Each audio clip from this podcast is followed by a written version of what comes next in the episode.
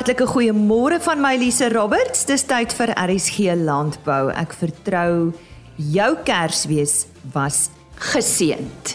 Dat jou feesmaal danksy die boere in Suid-Afrika heerlik was en as jy die voorreg gehad het om tyd saam met jou familie te spandeer, soveel te beter. Hierdie week op RSG Landbou herhaal ons 'n paar van die onderhoude wat die afgelope jaar uitgesaai is van ons hoogtepunte, dikwels 'n onderhoud waar ons goeie reaksie gekry het, navraag gekry het ensovoorts. Ons praat vandag oor waterblommetjies en ons medewerker in die Noord-Kaap, Koos de Pisani, het meer oor die Boesman Lander skaapras gaan uitvind.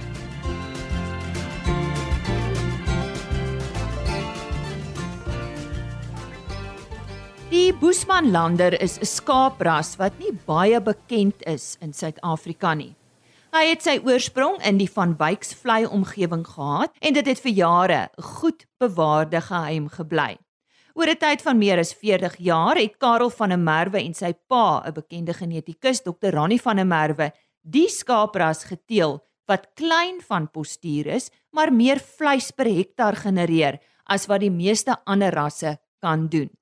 Koos de Pisani gesels met hom oor hierdie ras. Karel, jou pa het in die 70er jare begin om 'n nuwe skaapras te teel. En jy se werk voorgesit toe jy op die plaas kom. En dit is hoe die uh Boesmanlander nou sy wegspringplek gekry het. Maar wat was julle doelwit en hoekom het julle dit nagestreef? Ja, baie dankie uh Koos ehm uh, vir die geleentheid wat julle ons bied uh om die mense 'n bietjie meer te vertel van die Boesmanlander. Ja, wat was ons doelwit en uh hoekom het ons ehm um, dit nagestreef om 'n boesmannerskap te teel?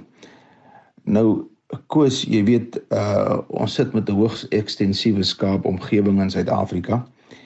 En ehm um, ons eerste en primêre doel was gegee ons uh, unieke omstandighede in areas soos uh die binneland Suid-Afrika wat maar uh redelike droogtes ondervind en ehm um, strawwe omstandighede is was ons maar soos enige ander landboubedryf het ons nagestreef om die hoogste netto opbrengs per hektaar te kry en om dit te kon kry moes ons aanpas by uh, omgewingsomstandighede en 'n skaapteel wat by daardie omstandighede aanpas.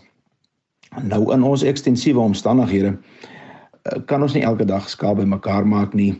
En uh, het ons uh, eerste doelwit was om iets te teel wat lae administrasiekoste gaan verg. Dit beteken 'n skaap wat onder andere ook 'n nie sensitief is uh, vir siektes nie en wat aangepas is by Afrika se omstandighede. Uh so dit moet 'n geharde skaap wees wat ons wou teel en dit het ons reg gekry in die Boesmanlander.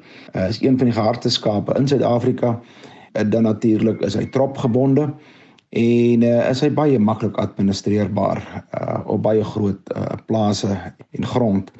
Ons wou ook 'n skaapteel wat lae onderhoudskoste het. Uh want jy weet as ons droogtes kyk is 'n dier kyk eers na sy eie behoeftes en daarna dit wat oor is word geallokeer vir reproduksie.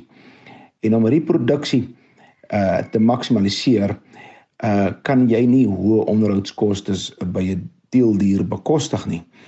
So ons het 'n skaap ge, gesoek wat lae onderhoudskoste het. En onderhoudskoste korreleer direk met liggaamsmassa van jou vroulike dier.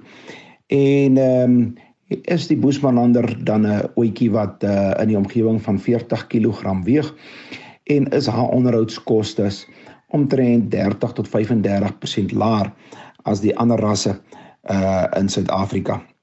En dan natuurlik moet 'n mens kyk na uh, kwaliteit vleis en dit wat die mark se behoeftes is.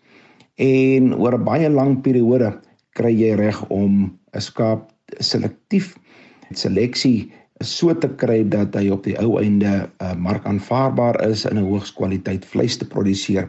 En daardie doel dink ek het ons baie goed geslag. Ons het byna geen afgraderings in die Boesmanlander uh, na 40 jaar se seleksie nie. Dan natuurlik is een van ons grootste probleme in ons Karoo en in in die Vrystaat en ons ekstensiewe areas in Suid-Afrika is is ongediertes. Jy weet 'n uh, koos dat uh, ongediertes vra nie vra wanneer hy jou lammers vang nie, hy vang uh, voor die voet. Wanneer jy meer skaap per hektaar kan aanhou, het jy ook meer lammers per hektaar. Jou lammers is wel ligter per lam, maar die totale hoeveelheid kilogram vleis wat in die meer lammers uh per hektaar is is dan nou baie meer as ehm um, jou swaar raamdiere. En wat ons dan kry is as die jakkals 'n lammetjie vang, is dit 'n baie kleiner persentasie wat ons afstaan aan ongedierte verliese omdat die eenheid uh wat dan nou in elke lammetjie is ligter is as uh uit die groter persentasie van totale hoeveelheid lammers as wanneer jy jou swaar raamdiere kry. En uh sien ons dat die Boesmanlander ehm uh, op ekwivalent in terme van draagkrag uh wat jy kan aanhou op jou plaas is ons ongedierte verliese in terme van kilogram vleise uh, baie minder as by ander rasse. Dan natuurlik is die Boesmanlander glad nie 'n selektiewe vreter nie. Ons sit natuurlik almal op ons plase uh met verskillende samestellings van weidings. Ons kry ehm um, soeterveld en dan kry ons weer veld wat 'n bietjie meer bitter is en suurder is. Ons kry grasveld, uh, ons kry 'n leegteveld en ehm um, jou geldsamestelling bestaan nie net uit smaaklike kosse uit nie. So sekere rasse is geweldige selektiewe vreters en ehm um, as jy net fokus op jou hoë kwaliteit en smaaklike veld, uh dan vertrap jy jou veld baie vinniger. So ons het gestreef om 'n ras te teel wat nie 'n selektiewe vreter is nie en 'n basies jou veld gelyk afvreet. En dit het ons reg gekry uh in die Boesmanlander. Hy vreet enige tipe bossie wat ons basies vir hom aanbied. Dan natuurlik om jou kilogram vleis per hektaar so hoog as moontlik te maak is een van die belangrikste faktore om 'n hoë vrugbaarheidskomponent te hê. Uh en daai genetiese eienskap kan jy op meer as een manier kan jy dit behaal. Hoë produksie kom van 'n lewensiklus uh wat lank is en wat hoog produserend is. Met ander woorde jou ooi wat ouer raak as jou normaal uh tel baie as jy 2 of 3 lamseisoene ekstra uit 'n ooi kry Ehm um, dan praat jy van 'n 20% meer wat jy uit 'n vroulike dier uit kan haal in terme van haar lewe. En 'n Boesmanlander raak omtrent 2 jaar ouer as die swaarrame diere. Ons kry baie meerlinge en uh, dit is geneties 'n ras wat uh, baie hoogs vrugbaar is in terme van meerlinge. Ehm um, ons kry maklik uh, tussen 25 en 40% meerlinge per jaar of per lamseisoen natuurlik uh op ons Boesmanlander en dan natuurlik ook jou lam intervalle. Ons ehm um, Boesmanlander is nie sensitief vir seisoene nie en kry ons dan elke 7 tot 8 maande kry ons 'n lamseisoen uit ons oetjies uit. En dit maak dat jy gemiddeld 1 en 'n half lamseisoen per jaar kan kry. En al hierdie faktore saam het ehm um, bygedra tot die ontwikkeling van die Boesmanlander en was ons motivering om die Boesmanlander te kry waar hy vandag is. Uit watter diere is die Boesmanlander geteel? Die Boesmanlander is geteel uit die uh, Skandinawiese ras, die Finse landras, wat gekruis is met die inheemse swartkop persie. Nou die Finse landras is in die 70e jare deur die regering by name Dr. Jan Hofmeyer beskikbaar gestel aan my vader om aan hierdie kruisstelingsprogram uh, te gebruik. Die Finse landras is baie bekend vir sy verskriklike vrugbaarheid en is dit uh, by uitstek vir daardie rede hoekom hoekom hy gebruik is. Natuurlik moes dit gekruis word met inheemse rasse wat gehard is en is die swart kopersie vir daardie doeleindes uh gekies. Nou gewoonlik kry mense in kruisstelling nie dit reg om alle gunstige eienskappe in een ras uh bymekaar te bring nie. Daar kom altyd een of twee eienskappe uh by wat jy nie wou gehad het nie. Maar by die Boesmanlander uh het dit wel gebeur dat ons al die gunstige eienskappe in een ras kon bymekaar kry veral die skandinawiese rasse is geweldig bekend vir hulle seisonaliteit en lam basies net een keer per jaar terwyl jou inheemse rasse swartkop persie uh meer male per jaar dan natuurlik nou nou nou lam wat 'n groot bydrae het tot jou lam intervalperiodes. Nou uh in baie kruisstelings kon ons dit glad nie reg kry om uh die seisonaliteit uit te teel uh wat nou betref die skandinawiese rasse nie. Uh en wat in die Boesmanander gebeur het is dat ehm um, ons kon dit regkry om die vrugbaarheidseienskappe wat gunstig is van die skandinawiese uh, finse landeras in te bring terwyl dit dan die gehardheidseienskappe uh wat ons wou gehad het van die uh swartkop persie ook ingebring het. En ehm um, daarin kry ons om daai rede vandag die boesmanander met al die eienskappe van gehardheid, uh vroeë slagsrypheid en geweldige vrugbaarheid uh in een ras. En ehm um, ons beskou dit maar as 'n frats uh wat gebeur het in die teelprogram. En na dit is natuurlik oor 'n periode van 40 jaar baie intensiewe seleksies toegepas om die ras te verfyn om dan nou nog beter voorsiening te maak vir spesifieke markvoordele wat ons gesoek het en dan natuurlik ook natuurlik hoe die ras lyk vandag. Dis 'n swart kop uh met 'n wit lyf en dan kry ons ook die rooi kop uh of, of soos ons praat van 'n goue kop en die wit lyf. So dit is maar basies hoe die Boesmanander uh tot stand gekom het. Karel, julle het heeltemal buite die boks gedink toe julle begin het met die Boesmanlanders. Want julle wou meer vleis per hektaar lewer. Was hierdie teelprogram van julle suksesvol? Ja, die vraag is natuurlik of uh die teelprogram wat die Boesmanlander tot stand gebring het suksesvol is is dan nie. Nou al hoe mense kan bepaal of hy suksesvol is is om wetenskaplik te gaan kyk uh hoe doeltreffend die Boesmanlander uh teenoor ander rasse funksioneer. En is daar dan nou destyds klein kindertjie geskenk aan die Pretoria se Universiteit wat dan gaan bepaal het hoe doeltreffend die Boesmanlander funksioneer.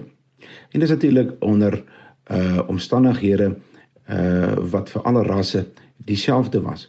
Nou boonbehalwe Boesmanlander tot stand gekom het deur 'n hoogs wetenskaplike proses het hierdie laaste wetenskaplike meting bepaal dat die Boesmanlander 30% uh laer in onderhoudskoste is uh dan ander rasse en ook uh tot 60% meer doeltreffend is as ander rasse.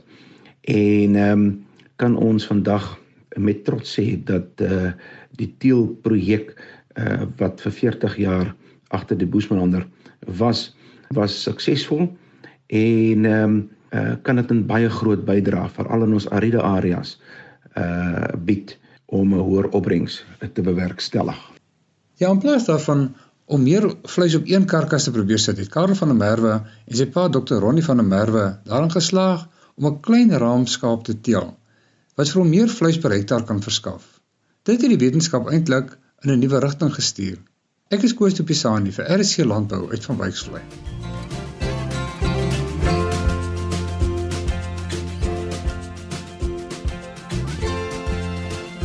Ons het so tydjie gelede 'n navraag van 'n luisteraar Mac Jordaan ontvang oor waterblommetjies. Hoe boer mens met waterblommetjies? Nou ja, ons het geluister en ons het dit goed gedink om uh, by Dirkie Geldenhuis te gaan aanklop en hy is van Renostervlei waterblommetjies.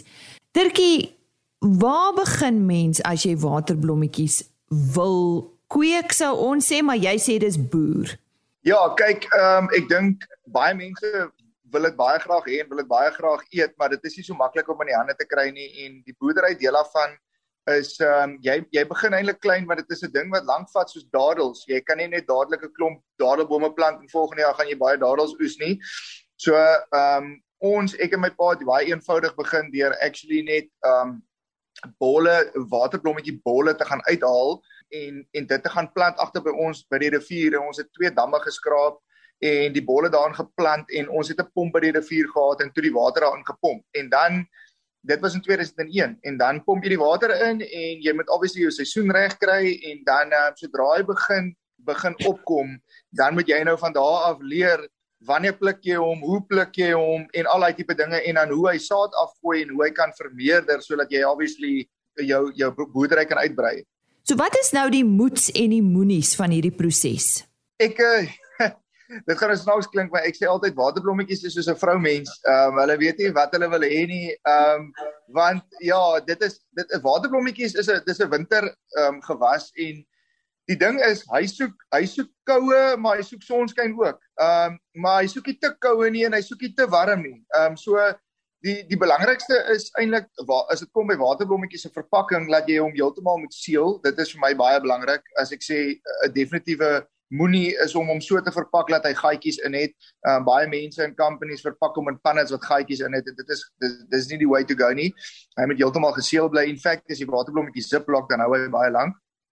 Ek dink ook wat baie belangrik is van waterblommetjies is dat jy ehm um, laat jy jou water en alles wat jy inpomp in die dam is baie belangrik. Jy kan nie sommer net ehm um, uh modderwater of vuil water in jou jy moet vars water in damme inpomp. Dit is baie belangrik jy kan nie jy kan nie verwag dat ehm um, amper sê ek rioolwater en sulke tipe goed vir jou die beste resultaat gaan gee nie. So dit is baie belangrik is jou water en jou omgewing so jou omgewing is is is definitief uh, jy kan nie in 'n omgewing wees waar mense gaan met spuitvliegtye gif spuit en sulke tipe goed nie want dit is hoe waterblommetjies eintlik half begin uitsterwe in die Boland is uh, spuitvliegtye wat wat gif gespuit het op koring en graan en en so kon dit nie verder aangroei nie. So ja, en dan ehm um, ja, ek dink die die die die belangrikste vir my rondom 'n moed is jy moet 'n waterblommetjie pluk ehm uh, met sy stingel. So jy moenie die jy moenie die jy moenie net die kop afpluk nie. Ehm um, want andersins kry die bol nie kans om 'n nuwe stingel uit te gee nie. So dit is dit is baie belangrik. Wanneer hierdie plant nou in die water is, is is daar enige voeding nodig?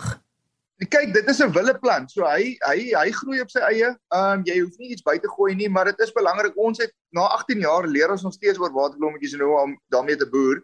Ehm um, en en op die einde van die dag het ons nou 'n ding begin waar ons ons grond begin omdop het net om die om die voeding in die grond 'n bietjie 'n boost te gee want as jy elke jaar in dieselfde dam gaan plant dan gaan daai die die boonste laag van die grond gaan later 'n tipe van 'n grys uh so grys kleigrond begin raak wat geen voeding in het nie. En ehm um, hy daai bol wat in die grond is, hy soek hy soek daai voeding, hy soek magnesium, hy soek kalsium, hy soek daai goed. So ons het al probeer om kunsmis te gooi en ehm um, sekere goed te spuit en kal ag ehm um, um, kalk in die gronde en maar op die einde van die dag gaan dit maar oor ehm um, die die die bol soek goeie gesonde grond. Jy, jy kan goed net soveel soos wat jy wil in die water gooi. Dit gaan nie 'n groot effek hê nie. Dit gaan oor die bol wat binne in die grond is. Jy sê julle is al 18 jaar hierby betrokke. So hoeveel damme het julle? Ons het nou ongeveer omtrent 20 damme. Die damme is 'n uh, groot skool. Hulle is maar ek sal sê jou ons groot damme is rondom 20 by 30 meter. Ons kleiner damme is net maar so 15 by 10 meter damme af. Ehm um, dit is maar net om om in verskillende produksiestyle te probeer toets. Ons doen letterlik nog die hele tyd toetse. Ehm um, en jy moet ook in ag neem dat ehm um, 'n uh, kleiner dammetjie gaan baie vinnig dig raak want waterblommetjies gooi saad af elke jaar as die damme begin opdroog en daai saad lê in die grond en die volgende jaar jy kan byvoorbeeld 'n ry plant van 10 bolle, dan gaan na die eerste jaar gaan na gaan na 10 plante opkom wat elkeen sê nou maar 6 of 7 koppe waterblommetjies gaan dra, maar elkeen van daai 10 bolle gooi 'n klomp saad af in die volgende jaar het jy sommer 70 plante wat opkom wat elkeen 7. So dis 'n baie goeie kommoditeit. Maar wanneer dit te dig raak, dan is die voeding in die grond te min om al die bolle te voed. En dan wat gebeur is, ehm um, jou jou jou blommetjies raak al hoe kleiner. En blommetjies moenie te groot wees nie, maar dit moet ook nie te klein wees nie. Jou middelmatige size blom is is die een wat lekker is vir die pot. Dirkie, wat is die oestydperk van waterblommetjies? Kyk, ehm um, in die Boland is dit is 'n geval van meeste mense wat wat half on the sideline daarmee boer. Hulle wag tot die reën kom en die riviere spoel oor en die damme wat dan natuurlik water opvang, wag hulle eers om vol te kom en dan vat dit so 3 weke vir blomme om te begin uitkom en omtrent 4 weke vir dit om kos te dra. Maar ons ehm um, ons versnel die produksie bietjie want ons het ons eie damme en ons pomp water uit die bergrivier uit. So ons ehm um, tap al water begin April in en die 1 Mei begin ons al oes en dan oes ons elke liewe week kan jy waterblommetjies pluk tot en met einde Oktober waar ander mense se damme byvoorbeeld nou eers vol gereën het en hulle sal eers ehm um, sê net maar nou begin middel Julie eers begin pluk. So ons versnel dit so bietjie. En hoe oes jy waterblommetjies? kyk, ehm um, ons het ons het ons werkers het waders aan. Wader is is daai tipe is daai suit wat jy aantrek waarmee jy kan gaan visvang of fly fishing doen. Want mense mense kla altyd baie keer oor 'n waterblommetjie se prys en dink, "Ag, jene, die ding kan nie baie wees nie. Dis net 'n plant." Ehm um, ek gaan vir jou sê totdat jy in 3 grade of 2 grade in die water moet ingaan, al het jy 'n suit aan en jy moet met jou kaal hande daai goed gaan pluk. Daar's nie 'n makliker manier as dit nie. Ehm um, uh en en dan raak dit nog al 'n storie. So hulle gaan in die wader die die damme, die damme is omtrent so knie diepte en hulle gaan met die waders in die damme in en dan word die die blommetjie word gepluk uit die bol uit. So jy pluk die, die blom met sy stingel en dan pluk jy basies 'n handvol sodat jy half 'n bossie in jou hand het en dan word daai ehm um, blomme se witpunte word afgebreek sodat net die groen kos oorbly van die blom en daai blomme word afgebreek in 'n bak wat hulle dan saam met hulle trek wat dryf op die water. En ehm um, ja, dis basies dis basies hoe jy dit doen want as jy daai stingel uit die bol uittrek, dan kan daar 'n nuwe stingel uit daai bol uitkom om 'n nuwe kop te kom vorm. Kan ons enige plek in Suid-Afrika met waterblommetjies boer? Nee, mens kan nie. Ons en ek gaan jou sê hoekom want ons het juis hierdie jaar 'n probleem met koue. Dit is ekstra koud hierdie jaar ehm uh, in in in ons area in die Boland waar dit is want as daar ryp is kan hy die kan hy die blom se se witpunte kan hy swart brand en dan dan vrot die blom af. So jy kan hom dan nie pluk nie. So dis eintlik baie groot skade. En omdat ander dele van die land is die, is 'n ander klimaat was dit nog altyd dat die Boland die beste plek is om dit ehm um, te hanteer want dit word nie so koud in die Boland die ander dele van die land word te koud of dit is te warm of te bedompig. So jy kry eintlik dis hoekom die liedjie waterblommetjies in die Boland ehm um, nie 'n ander provinsie is nie. Ehm um, alhoewel daar is uh, blomme in Boon-Limpopo maar op die oomblik het ek 'n groot kliënte van Limpopo wat vir my vra of ekie vir hulle kan blomme opstuur want daar is nie meer nie. Dit het heeltemal uitgesterf. So ja jy kry in die hele wêreld kry jy net waterblommetjies in Suid-Afrika Ehm um, en jy kry dit net in die Boland en ons is omtrent net 3 of 4 boere in dan basically in die hele wêreld of altans Suid-Afrika of altans in die Boland wat daarmee boer. Hoe word dit skoon gemaak?